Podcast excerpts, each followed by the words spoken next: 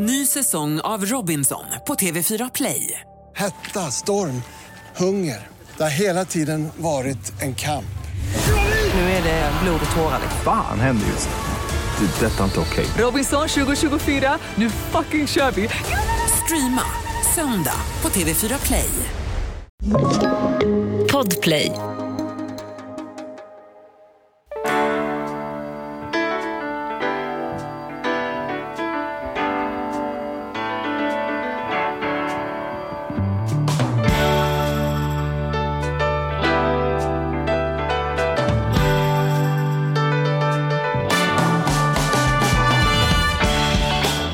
Och hjärtligt välkomna till Ekonomi på riktigt med Charlie och Mattias mitt i vårat valspecial. Hur är läget Mattias Andersson? Det är kanon. Det är toppen. Blir du något klokare på när vi går nu parti för parti? Känner du att det blir, får du bara bekräftat det du redan tänkte eller dyker upp några nya tankar? Nej, jag, jag blir absolut klokare. Jag är ändå den som... Jag följer ju politiken i den bemärkelsen att jag lyssnar på alla tv-sända debatter. Skulle jag vilja påstå. Att de, Mm. de ser jag. Men där är det ju så mycket fokus på, på just partiledarna. Mm. Så att det som jag tycker var roligt nu det är också lite grann att, att var, varje parti har liksom sin lilla, det här går vi till valet med. Man har sin egna lilla braiga grej. Liksom. Och då, då har alla eh, partier hittills, tycker jag, överraskat väldigt positivt. Mm.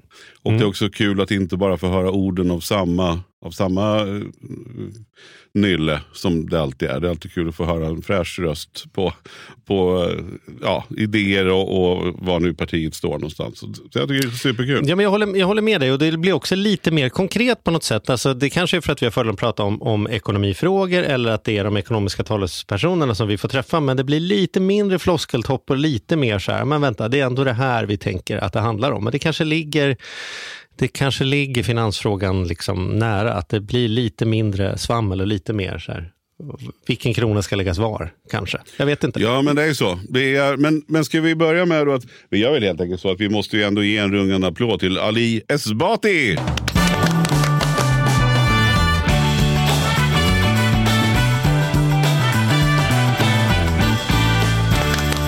Välkommen, vi eh, behöver inte hålla på det mer. Det är ju, Nej.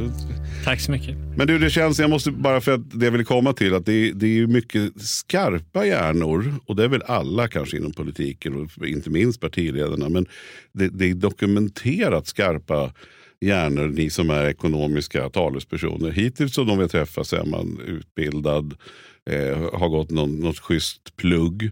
Och, och dig såg jag så här, du hade ju 2,0 på högskoleprovet en gång i tiden.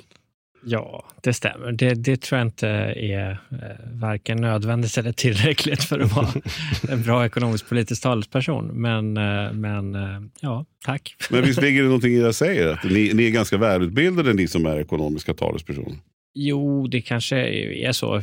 Alltså, jag tycker ju att det har varit... Jag är ju ekonom själv. Eh, Jag tycker verkligen inte att det är nödvändigt att vara det för att vara en ekonomisk politisk talesperson. Det, så, så menar jag att det är. Men, men det är klart att har man haft det eh, intresset och gått igenom den utbildningen så, så kan det vara lätt hänt att man då får de eh, uppgifterna i en, eh, i en situation när man ska så att säga, eh, välja vad man ska göra i ett, i ett parti eller i en organisation. Men skulle du säga att du har valt ekonomifrågorna eller har ekonomifrågorna valt dig? Liksom.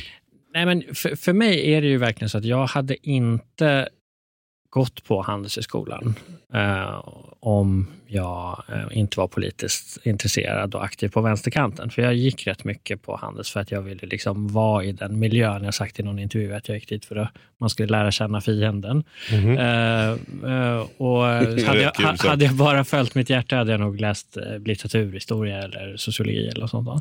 Men, eh, men jag tycker att det var... Men jag, för mig har det varit viktigt att också Eh, liksom känna till tugget i, i de sammanhangen. Och resultatet har varit rätt mycket, ska jag säga, att man också lite tappar en om man skulle haft en onödig, onödig respekt för det ekonomiska språkbruket. Att man tänker att nej, men, bara för att en ekonom säger någonting så är det så. Är det så. så Mm. och jag tycker att ekonomi är för viktigt för att bara lämnas över till ekonomer. Det är ju hur vi organiserar samhället och samhällets resurser. Eh, men sen är det självklart, eh, liksom, finns det ju eh, liksom, eh, folk som fördjupar sig eller forskar runt, runt specifika delar av det här som är värt att liksom lyssna på med, en gång till. så att säga. Men, mm. men, men jag ser inte ekonomi som en som någonting som är särskilt eller står vid sidan av hur man ser på samhällsorganisering och hur vi förhåller oss till varandra som, som människor mm. Eh, mm. i stort. Men, men det är också lite fascinerande för jag tänker att dels har, måste ha hjälpt dig att du ändå gick Handels mm. då, att du, du, har nytta av det tänker jag i, idag. Men, men det hade ju kanske också kunnat påverka dig om du säger att bli mindre vänster? Mm. Nej, men för mig skulle jag nog säga ganska entydigt att det har varit motsatsen. Alltså eh, att jag, eh, jag tycker att det finns vissa alltså, en viss typ av ortodoxi eller vissa saker som tas för givet i vissa delar av den ekonomisk politiska debatten som jag tycker att när man väl kommer närmare och ser grunderna för varför de här resonemangen ser ut som de gör, så, så tycker man att de är eh, inte bra. vi, vi behöver andra eh, perspektiv och bättre perspektiv på ekonomin för att mm. liksom just förstå vad ekonomi är. Det är inte det som lärs ut på A-kursen i nationalekonomi. Den bilden av världen och ekonomin är så himla platt. Mm. Eh, och Det krävs liksom djupare eh, liksom tankar runt eh, hur, vad ekonomi är, som handlar om hur vi människor liksom producerar saker, vad är det för system, vad är det för relationer som sammantaget utgör en samhällsekonomi. Mm. Du mm. är född i Teheran. Mm. Uh, var det 81? Jag kommer inte riktigt ihåg. Nej, uh, nej vi, vi, kom till Sverige 86. Ja, 86. Men uh, du föddes? Född 77. Ja, född 77. Mm. Och bodde då ändå ett antal år innan du... Ja, visst. Har, har det påverkat din, din, din grundinställning, eller hur man nu ska uttrycka det? Nej, men absolut, jag kommer ju alltid vara född i Iran. Så att, mm. men framförallt så är det ju erfarenheten av att komma eh, till ett helt annat land och vad det får för konsekvenser eh, för ens eh, livsmöjligheter som, som ju har präglat mig mycket. Både de oerhört stora möjligheter som gavs en person som mig genom att komma till, till ett land som är, eh, som är fritt, demokratiskt och där eh, eh, utbildning är eh, gratis, där det finns ett välfärdsnät. Men också eh, det som eh, ändå fanns och finns, eh, alltså de ändå mycket diskriminerande strukturer som existerar på arbetsmarknaden, bostadsmarknaden, som, som påverkar mina föräldrars möjligheter att komma ut på arbetsmarknaden och ha en inkomst och så vidare. Så att det, det är ju, det, det, komplexet av det har spelat jättestor roll för vem jag är som, som person. Både för en känsla att jag, det finns så mycket i Sverige som är, så, som är bra, som jag verkligen vill slå vakt om och utveckla och som jag har sett de senaste 20-25 åren stå under ganska stor press. Eh, eh, men, men, också att eh, liksom insikten om de, de problem och, och de diskriminer den diskriminering, den rasism som, som också finns i, i Sverige. Det känns som alla är överens om att migrations, eh, alltså migrationen i Sverige har inte varit särskilt lyckad under väldigt, väldigt, egentligen väldigt många år. Det har ju varit utanför samhällen ganska tydligt jag, jag själv var och spelade musik för 100 år sedan, eller i alla fall 30 år sedan i, i Rinkeby. Och man fick, vi, vi kom inte därifrån utan att åka polisbil. Liksom. För det var bråkigt och stökigt. Charlie och jag har varit och föreläst i, i Husby och Akalla. Där vi också har behövt haft liksom, hjälp för att ta sig in i en, i en högstadieskola det, det, är ju någonting som, alltså, och, och, du själv har gått Tensta gymnasium. Eh, mm. jag är jag. uppvuxen i Tensta och Rinkeby. Ja, mm. du har ju uppenbarligen lyckats då, alltså, och, och ser de här, liksom, men, men det är någonting som vi verkligen måste göra åt. Det är ju fortfarande ett superproblem, liksom, att vi är så segregerade. Liksom. Ja, alltså segregationen är ju liksom, definitionsmässigt en, en, eh, en aspekt av att människor har liksom skilda livsmöjligheter och att eh, det är eh, en mängd faktorer som gör att man, ja, de som har det på ett visst sätt är på ett visst ställe. Och, eh, och det är ju någonting som går helt och hållet hand i hand med en, en isärdragning av, av det svenska samhället på, mm. längs ett antal axlar. Där vi ser en, alltså en fördjupning av de ekonomiska klyftorna. och de går ju då också hand i hand med säga, bakgrund och, eh, och etnicitet. Det vill säga det är en fördjupning av dem eh, av de ekonomiska eh, klyftorna. Men det är ju, motsatsen gäller ju också, det vill säga alltså det som, det som motverkar segregation. Det är ju just de sakerna som vi har under de här decennierna nedmonterat i stor grad. Det vill säga, det är ju möjligheten att gå i, i, i bra skolor oavsett om man bor i, i Tensta eller andra sidan fältet eh, i, i Spånga. Det är ju eh, om det finns en aktiv bostadspolitik som, tänk, som har utgångspunkten att alla människor har i grunden rätt till att ha en, ha en, väl, eh, liksom en bra bostad i Sverige. Det, det, har ju liksom vi inte haft en sån politik ända sedan 80-talet egentligen.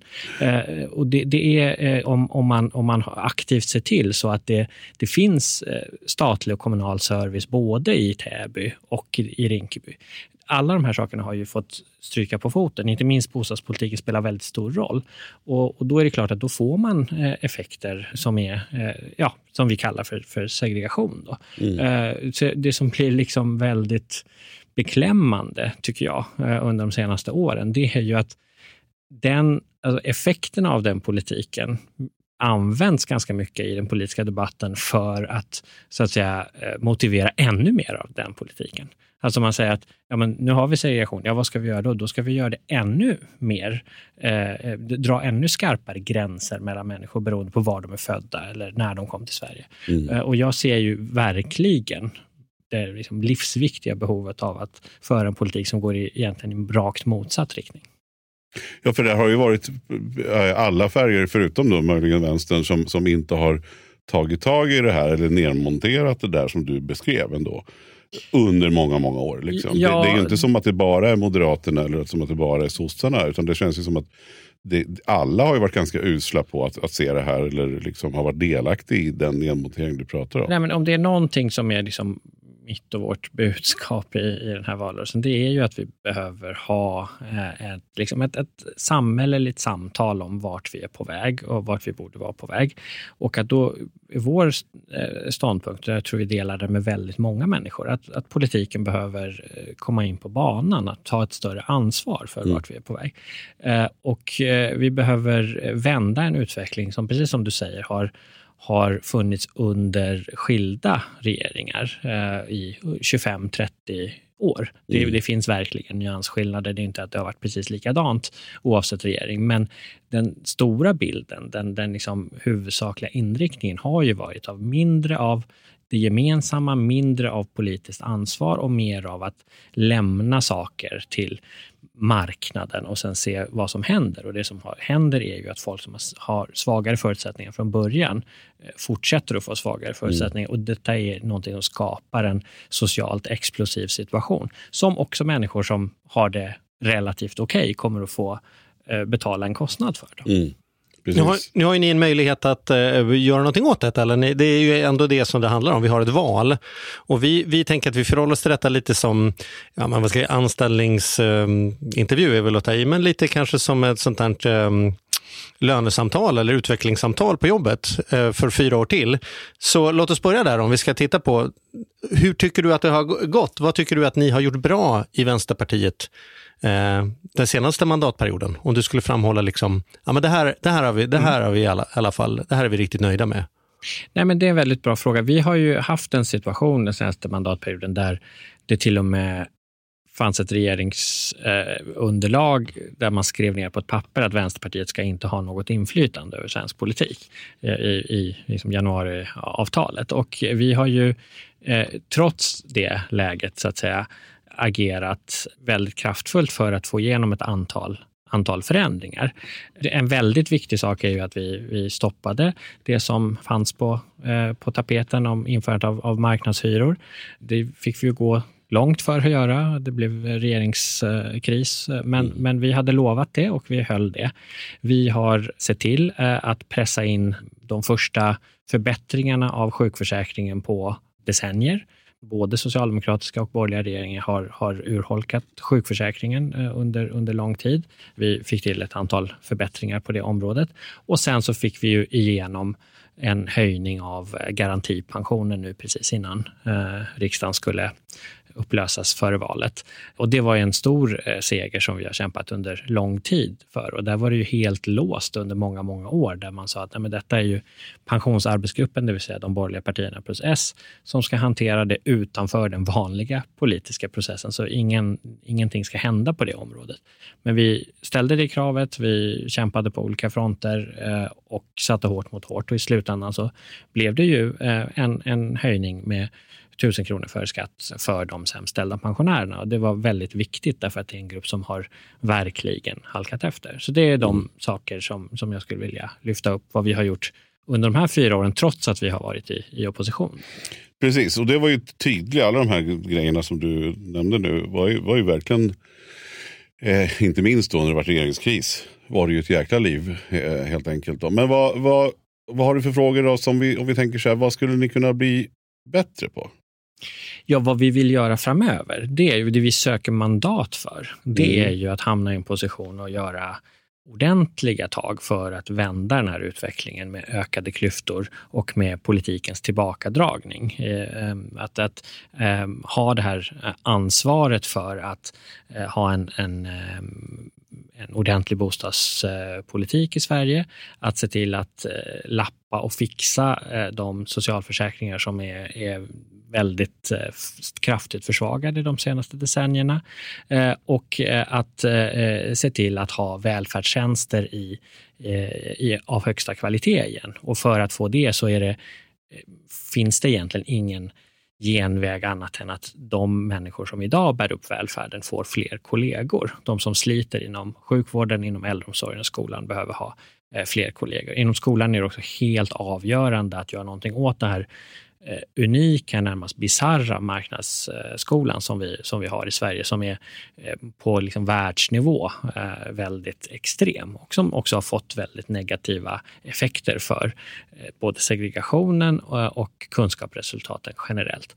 Mm. Och för att få till det så är det liksom oerhört viktigt med eh, ordentliga offentliga investeringar och det hänger ju också ihop då med det som är den andra benet i, i vår ekonomiska politik. Och det är behovet av eh, mycket stora investeringar för att vi ska klara klimatomställningen. Nu, hittills har ju klimatpolitiken varit väldigt mycket en fråga om, om liksom vad man identifierar sig för liksom för typ av livsstil eller ord. Att det ska liksom kännas på det ena eller andra sättet. Antingen ska man vara en sån som tycker att det där är bara blaj och flum. Eller så ska man vara en sån som säger att man, man måste äta vissa saker och inte äta vissa saker. Och det är en väldigt viktig del av min personliga identitet. Och Det där håller inte. Vi, vi måste vara färdiga med diskussionen om huruvida klimatförändringarna är på riktigt eller inte. Vi har en värld som håller på att bli obeboelig eller svårbeboelig i stora delar. Mm. Och För att få de förändringarna så krävs det att vi lägger om hela samhällets viktiga delar av hur vi gör saker. Och då har vi, eh, vi ser idag tre områden där de territoriella utsläppen eh, är störst i Sverige. Det är eh, transporter. Då behöver vi eh, satsa ordentligt på att eh, bygga ut den spårbundna trafiken, mer järnväg det är eh, bostäder. Eh, vi behöver eh, bygga om eh, bostäderna så att de blir energieffektiva eh, utan att folk måste liksom, flytta därifrån för att hyrorna blir för höga.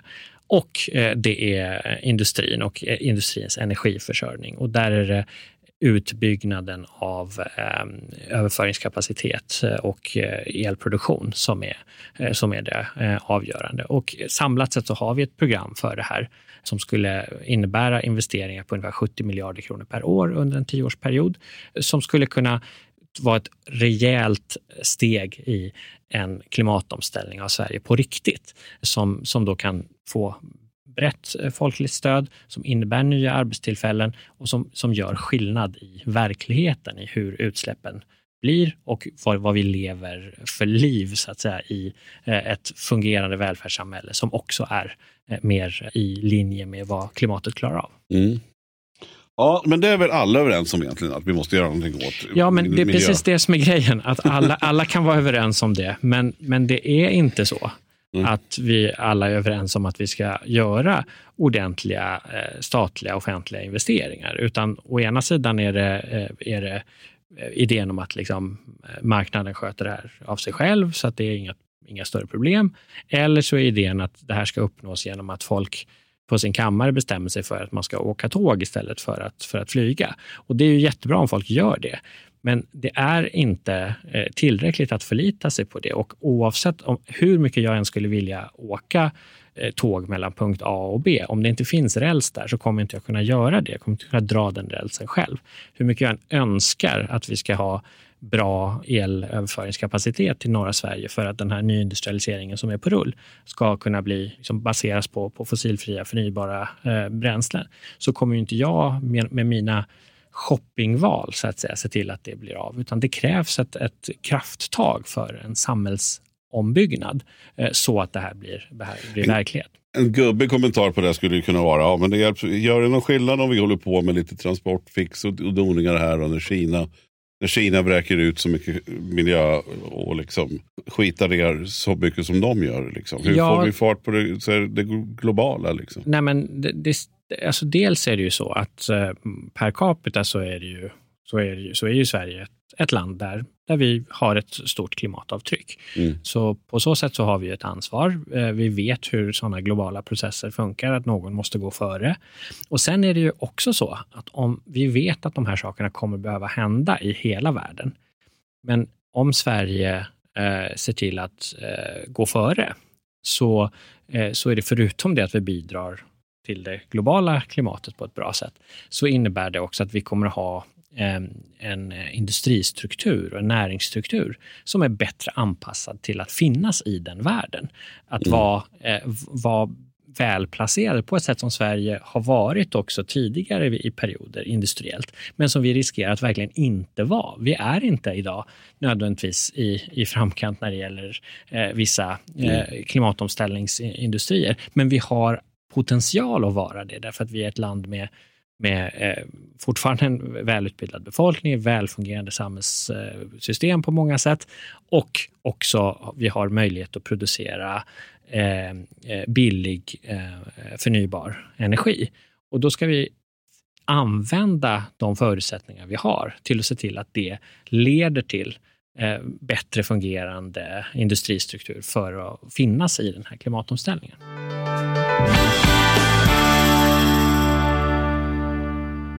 Den här podden gör vi även den här veckan i samarbete med Saveland. Fan vad kul det är att ha dem med ombord. Mm. Jätte, jätteroligt. Ja, vi brukar prata om att man har något band som man såg jag stod Bo Kaspers jädrigt tidigt liksom, innan man gjort tv-debut. Och du har något hårdrocksband som du var jävligt tidig på. Ja, alltså jag var på, på Lilla Teatern Göta Lejon och såg Metallica Ja. 1984. Så gammal är jag. Och jag var i kontakt med Saveland när det fortfarande var typ tre, fyra personer där från början. När jag fick möjlighet att träffa dem. Eh, och nu är de ett stort bolag, fyller tio år, finns på börsen och jobbar helt enkelt med att vanliga privatpersoner och företag kan investera pengar eh, i eh, lån och krediter.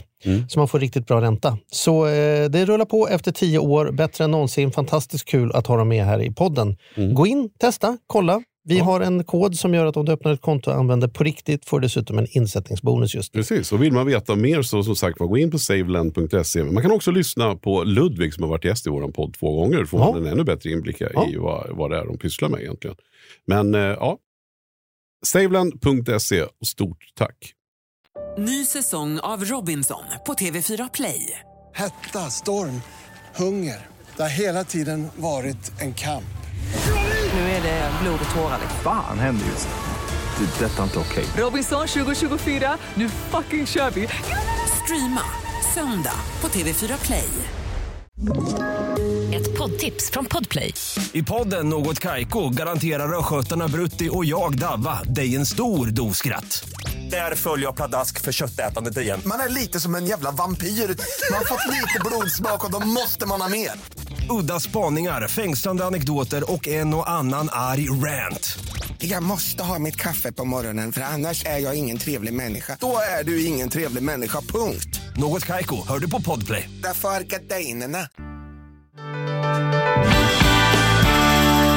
Men ur ett ideologiskt perspektiv då? Hur, om man skulle sammanfatta vänsterns eh, ekonomiska perspektiv, rent ideologiskt, hur, hur, vad skulle du säga då? Ja, eh, att, att eh, det handlar om eh, jämlikhet och rättvisa i syfte att alla människor ska kunna förverkliga en större del av sin potential. Viss, jag, jag, om man tittar ut över, över eh, också Sverige idag så finns det massa människor som eh, då förhindras i att eh, göra Eh, det mesta möjliga av sina liv. Därför att eh, vi har ett klassamhälle som gör att vissa får eh, sämre möjligheter till utveckling, man får sämre hälsa, man får arbeten som är mer nedbrytande, ger mindre möjligheter till, till förverkligande av sig själv. Och det är, det är inte bra och vi, har, vi kan bättre och, och vi har både ett ansvar menar jag för varandra och, och, och möjligheter att hjälpa varandra att få liksom det bästa möjliga av vår gemenskap. Mm. Och det är på den grunden som våra eh, välfärdssystem en gång i tiden byggdes upp och har visat sig vara mycket framgångsrika i att, att skapa liksom, goda eh, villkor. Eh, och då är det väldigt dumt att vi har eh, under nu 25, 25 eh, år rullat tillbaka mycket av det och vi ser resultaten av det. Att det blir att vi får ett kantigare och kallare samhälle i, i, i många avseenden och sämre samhällsutveckling för de flesta. Vi har ju plockat in några frågor ifrån våra eh, husexperter som vi brukar ha med oss i podden med jämna mellanrum. Och en av dem är Jan Bolmesson som driver bloggen Rika Tillsammans. Och hans fråga till dig är, vill ni öka incitamentet för privatpersoner att spara? Och i så fall hur? Ja, det beror ju liksom lite på vad man menar. Alltså, jag tror att det, det viktigaste för sparande är ju om man har en lön som man kan leva på och eh, känner att, att det funkar för att eh, ha en, en trygghet. Då. Och jag tror inte generellt sett på att man till exempel ska sänka, sänka kapitalskatter eller så, om det är det som avses. Utan Sverige har ju tvärtom blivit något av ett närmast ett skatteparadis i, i vissa avseenden när det gäller kapitalbeskattningen. Det är en väldigt Eh, mycket låg kapitalbeskattning, eh, särskilt i jämförelse med, med eh, inkomstbeskattningen. Så att eh, på så, jag, jag vill inte sänka några kapitalskatter på det sättet, utan tvärtom tror jag att vi kommer behöva ha en del av de kapitalskatter som vi har tagit bort är kraftigt sänkt. Därför att de allra rikaste har stuckit iväg rejält. Alltså om man tittar på statistiken så är det väldigt tydligt att Sverige är ett land där den rikaste, ja, 2, 5, 10 procenten har har stuckit iväg rejält och, och, och kapitalinkomster är en, en del av det. Men man skulle ju kunna skapa incitament som handlar om att låta den som inte sparar kanske få sparandet avdragsgillt eller flera andra partier har pratat om upp till en viss nivå eller ett visst sparande varje månad som gör som vi skulle liksom försöka underlätta ett folksparande så att fler människor hade en finansiell fallskärm eh, även privat för när det händer någonting eh, hemma eller andra saker. Men, mm. men det, det, det, ska man tolka det som att för er är det ingen fråga som, som man tänker är värd att satsa på. Hur ska vi få fler människor att spara? Utan kanske snarare hur ska vi ett samhälle där fler människor känner ett behov av att spara? Eller? Eh, nej, snarare då i så fall att man, man klarar sig, eh, alltså man känner den tryggheten som man ska göra med eh, vad eh, de sociala skyddsnäten och välfärdssystemen kan, kan ge, så att man är, man är trygg med dem. Jag har inte eh, liksom någonting emot att man eh, ser över den typen av den typen av system. Jag är generellt sett ganska positiv till att man kan ha man kan ha modeller där man har vissa tak för eh, avdragen istället. Då. Att det är okej okay att man till exempel man kan titta på, men vi har de här ISK eh, och vi har ränteavdrag och så. Där är det ju, de, de fyller ju sin funktion, men om man inte har ett tak för dem eller har ett tak som är väldigt, väldigt högt, så kommer det att innebära att man, man gynnar folk som redan har det väldigt gott ställt. Så att man kan liksom laborera med den typen av, eh, den typen av lösningar. Där är vi beredda att diskutera också gärna med, med eh, andra partier så man får breda överenskommelser runt de frågorna så att man får relativt stabila system. Har du själv ISK? Jag har inte själv ISK, nej. Mm. Sparar du själv? Alltså, för nu tjänar ju du jag tänker som riksdagsman och, och, och så, så känner, som, du tjänar ju bra med pengar idag. Så att säga. Ja, vi har ju så här i Vänsterpartiet eh, att vi, eh, våra riksdagsledamöter tjänar inte eh, alls så där högt, utan vi betalar vad vi kallar för en partiskatt. Då, så att, och det är ju både för att vi ska få inte få riksdagsledamöter som har en helt annan livssituation än, än många av våra väljare. Eh, men också för att det, så att det blir ett, ett eh, stöd till, eh, till partiets verksamhet. Så att jag har inte något aktiesparande eller något sånt där. Jag försöker ju ja, spara undan lite, lite varje månad på, på vanligt nollräntekonto. Och det, är ju, eh, det, det går väl sådär. Eh, men, eh, Men det, det är kul, du skrattar lite när du säger det själv, att det kanske inte är så bra att sätta på ett nollräntekonto. Nej, precis. Man, man, om man har mer pengar så kan man säkert också få bättre, bättre ränta. Då. Så jag är liksom inte, inte i den, den situationen. Men jag, jag tänker just när det gäller ISK, jag vet ju att det, det är ett populär, en populär mm. sparandeform. Och det är ju det är ju lite lustigt därför att när när man diskuterar liksom förändringar i det regelverket så blir det så här, åh, nu ska vi, ska vi verkligen gå på alla vanliga sparare. Men det är ju så att eh, det är väldigt få som sparar väldigt, väldigt mycket i ISK och så är det väldigt många som sparar förhållandevis lite. Då. Och när vi diskuterar förändringar i regelverket så är det något som skulle göra i princip ingen skillnad, eller verkligen ingen skillnad för den allra största gruppen som, som sparar i ISK. Men det ska inte vara ett medel för att kunna undandra sig vanlig kapitalbeskattning. Jag förstår. Vi tar en fråga till från Arturo på Swedbank, som är, är något av en husgud i den här podden. Mm. Hans fråga är, penningpolitiken har drivit upp bostadspriserna i Sverige till världens näst högsta i relation till inkomst. Det har gjort svenska hushåll extremt skuldsatta och räntekänsliga. Vad tänker ni göra åt det? Ja, det är en jättebra fråga. Vi har ju varit ganska ensamma eh, om att eh, ifrågasätta att man har en penningpolitik som är påstått eller liksom, ja, institutionellt fristående från, från eh, finanspolitiken, då får man ju lite den här situationen att man, man har en riksbank som då är liksom enligt lag instruerad att, att eh, hålla på med sitt enda vapen, närmast då räntan. Mm. Och, och då har det ju varit så att man, man har förhållit sig till den väldigt tidigare mycket, mycket låga inflationen och så har man haft då väldigt, väldigt låga eh, räntor.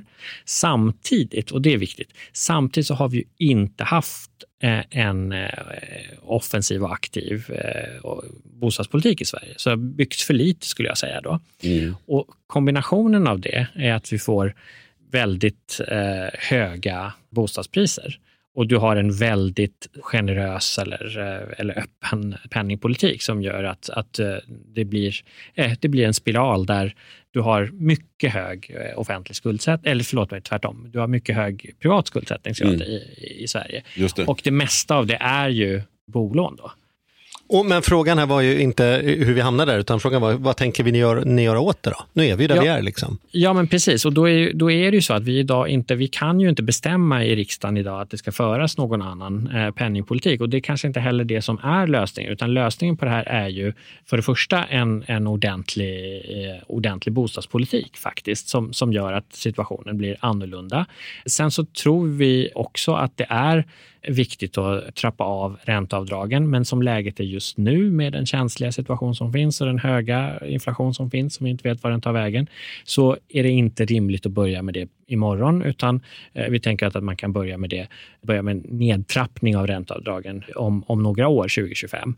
Och sen så är det liksom en samlad ekonomisk politik för att eh, genomföra en sån här risk överföring eh, tillbaka till det offentliga för de här stora puckarna som, som bostadspolitiken är eh, en, eh, en del av. Sen tror jag, som läget är just nu, där det är väldigt volatilt, där vi har en, en jättehög inflation, men vi vet inte hur länge, eh, eh så, så tror jag att man måste vara väldigt ödmjuk och öppen för att man kan behöva ha eh, finanspolitiska utryckningar för att eh, inte hamna i situationer med krascher eller med plötslig massarbetslöshet och så. Mm. Men, men vi har ju påtalat, det är därför jag pratade liksom bakåt i tiden, vi har påtalat den här uppbyggnaden av den här obalansen under, under lång tid. Och det finns ingen, som det ser ut idag, så finns det ju ingen absolut quick fix, att om vi trycker på en knapp så kommer det här läget att Eh, att lösa sig, men vi måste göra någonting åt det, för det här är en av de stora, stora farorna för svensk ekonomi under överskådlig tid framöver. Och vad ska man göra då? Om vi skulle försöka summera, om du ska bara säga snabbt. Eh, vad är det man ska göra då över lång tid? Om, om, om du skulle liksom dra över en tioårsperiod, vad, vad är det ni vill göra då? Man ska ha en, en, eh, en bostadspolitik som, som ser till så att det blir en bättre balans mellan eh, utbud och efterfrågan på, på bostadsmarknaden. Och man ska eh, se till så att det offentliga är involverat i det, så att en del av den risken som idag hamnar hos hushållen överförs tillbaka till det gemensamma. Och sen så behöver man ha, tror jag, en mycket starkare och striktare kontroll över bank och, och penningväsendet egentligen. Idag så har vi ju banker som gör enorma vinster fastän de, alltså, de har väldigt stora implicita garantier från det offentliga samtidigt som de har, då kan eh, ta ut enorma räntemarginaler. Vi hade ett förslag om att man skulle se på hur det, hur det är i Finland där man reglerar egentligen kan man säga hur höga räntemarginaler bankerna kan mm. ha när de, eh, när de ändå så att säga har de här implicita garantierna. Det tror jag också är sådana saker som man behöver titta på. Då. Med risk för att jag är korkad, jag förstod inte riktigt det här med att överföra eh, risken tillbaka till staten. Betyder det mer hyresrätter eller betyder det någon typ av statlig liksom, lånegaranti? Eller vad, vad är det egentligen man gör när man överför det till staten från privatpersonen? Ja, nej, men det betyder ju bland annat mer hyresrätter. Men om man, om man, om man har en mer av en, av en eh, offentlig eh, bostadspolitik som vi har haft tidigare i Sverige, som man har i en del andra länder, ja. men som vi har gått bort ifrån, så betyder det ju att de här enorma eh, liksom framåtsyftande ekonomiska åtagandena eh, eh, så att säga eh, garanteras i större utsträckning av oss tillsammans, gemensamt. Idag så är det så att de, de finns, men de ligger helt och hållet ut hos hushållen. Och hushållen är väldigt beroende av ett ganska litet antal banker då, som kan ta mm. ut väldigt höga eh, räntemarginaler. Så det, det, det, är en sån långsiktig eh,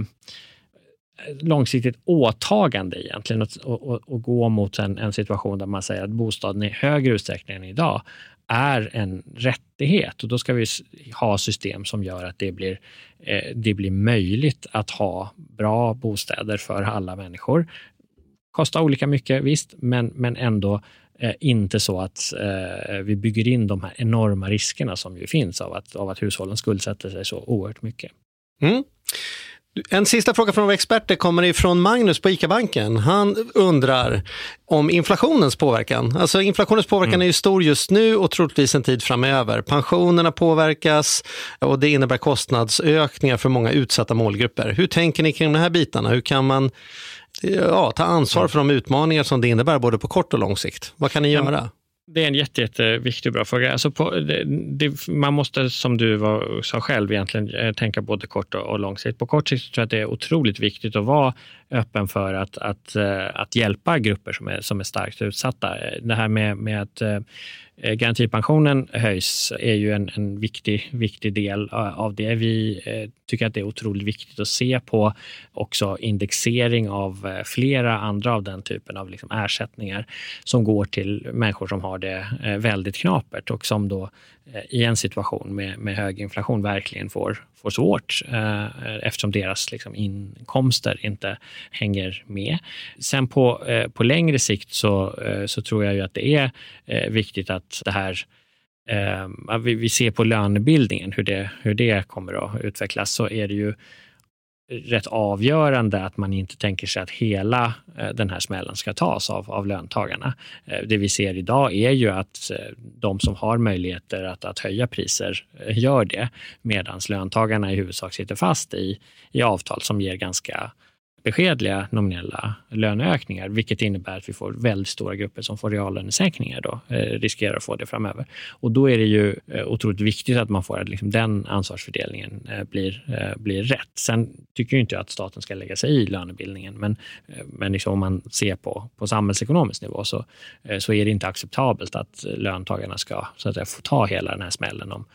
Och sen så är det ju så att inflationen eh, idag i alla fall fortfarande bygger på ett antal element som eh, som ökar väldigt mycket i pris. Energipriserna är, är ju en, en, Mm. en central del av det. Där, där tycker vi att det är otroligt viktigt att vi kan se över vårt eh, system för, för elpriset till exempel. Därför att vi producerar el fortfarande billigt i Sverige. Men i stora delar av landet sätts ju priset på el inte av vad vi producerar utan av, av efterfrågan i Tyskland. Och också utifrån det här klimatomställningsperspektivet så är det inte särskilt vettigt att vi behandlar el på det sättet. Vi vill, vi vill se ett annat system för, eh, för eh, prissättningen av el som, som inte är den här marginalprissättningen som är eh, där man tänker sig att liksom, marknadsmekanismer ska göra att det blir, det blir bra i hela eh, Europa. Men, men vi ser det mer som en, som en liksom basal eh, Eh, nyttighet i, i, i Sverige och har vi möjligheten att producera el billigt i Sverige så ska vi kunna använda det eh, på ett sådant sätt att vi kan garantera lägre elpriser och att det inte är eh, liksom marknadspriser i Tyskland som, som bestämmer eh, elpriset i Sverige. Men, men hur ska vi lösa, hur ska vi producera el då? Räcker vinden och vattnet till? För ni vill ju inte ha kärnkraft.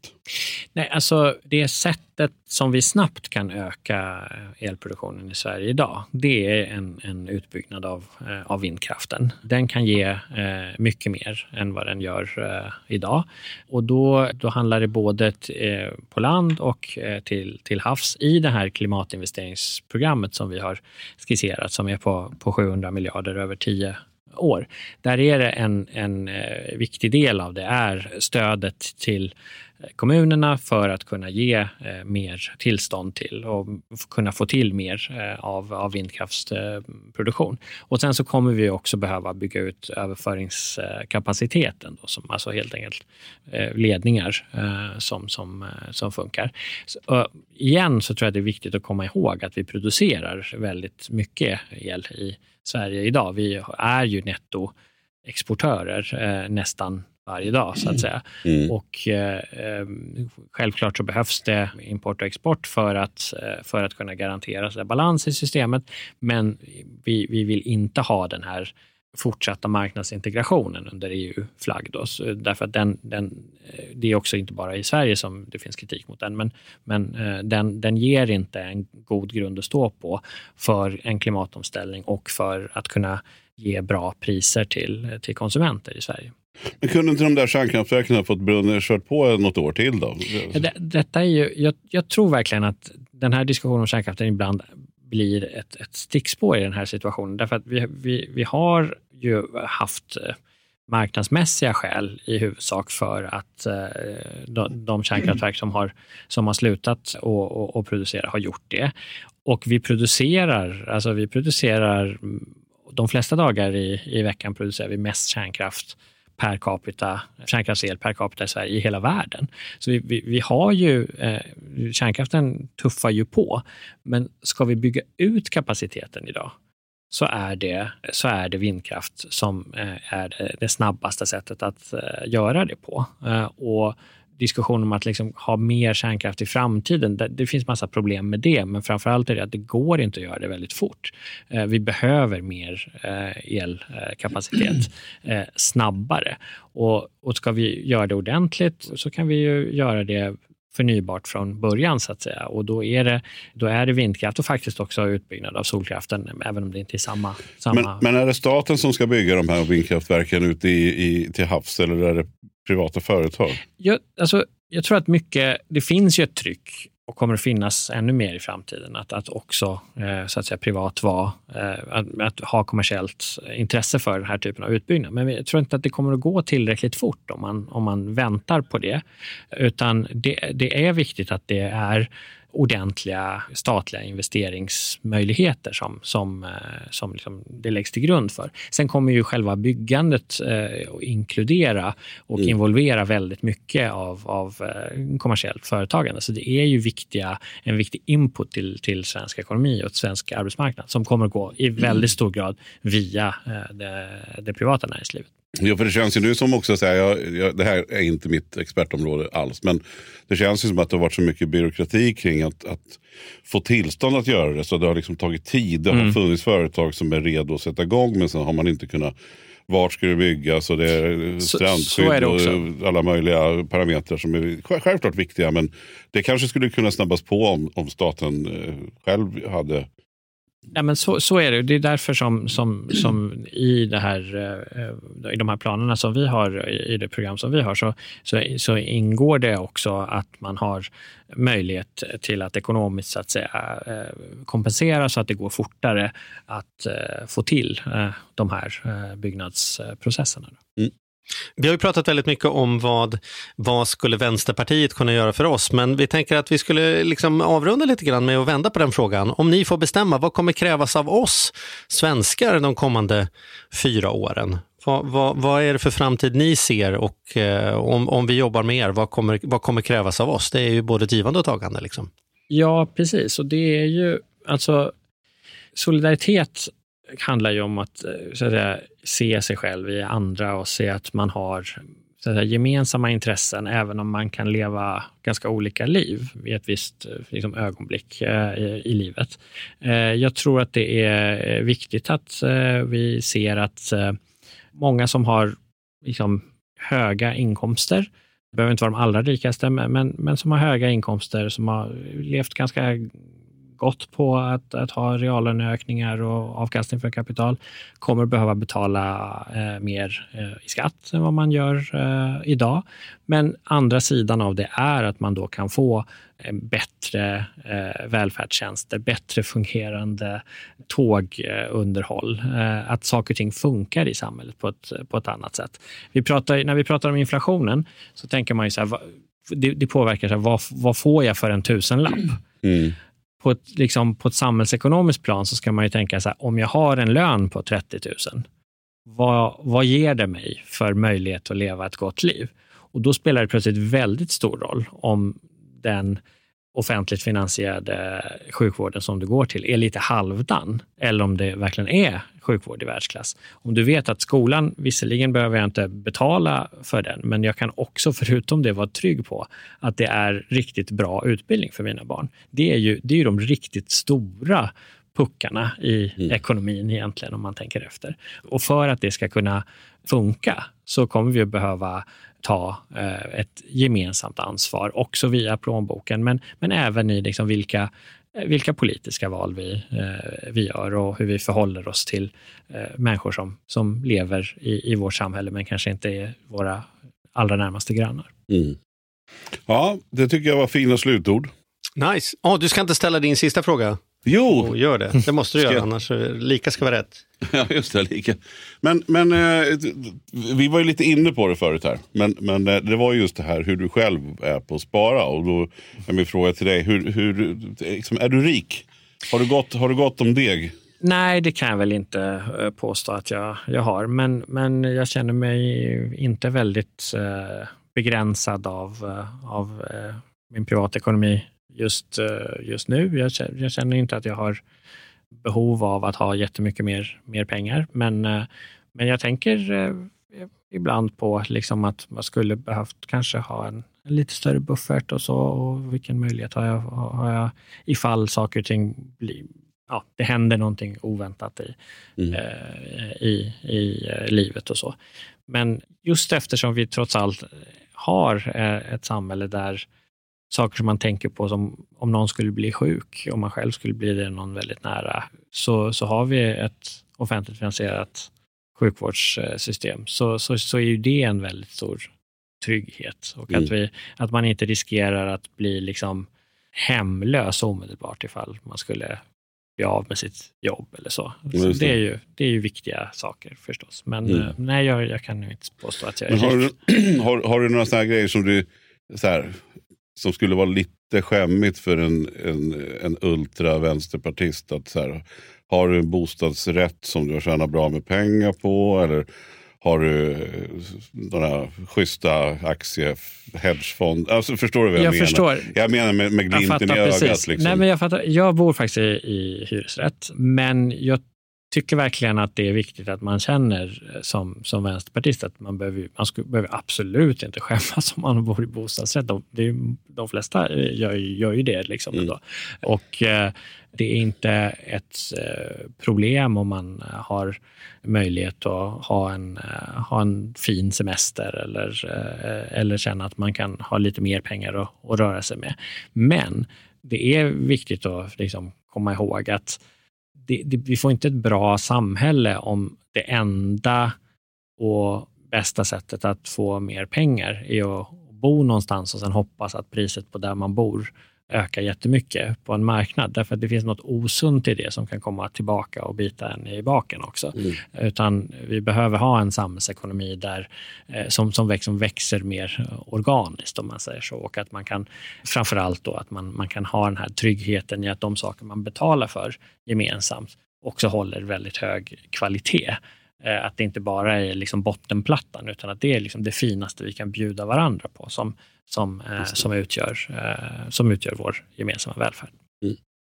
Det låter bra.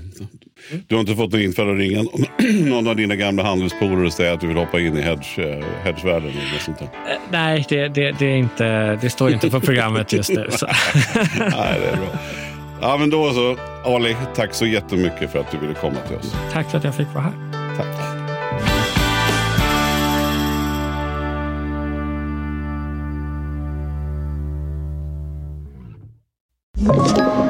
Podplay. Ny säsong av Robinson på TV4 Play. Hetta, storm, hunger. Det har hela tiden varit en kamp. Nu är det blod och tårar. Fan händer just det. Det är detta inte okej. Okay. Robinson 2024, nu fucking kör vi.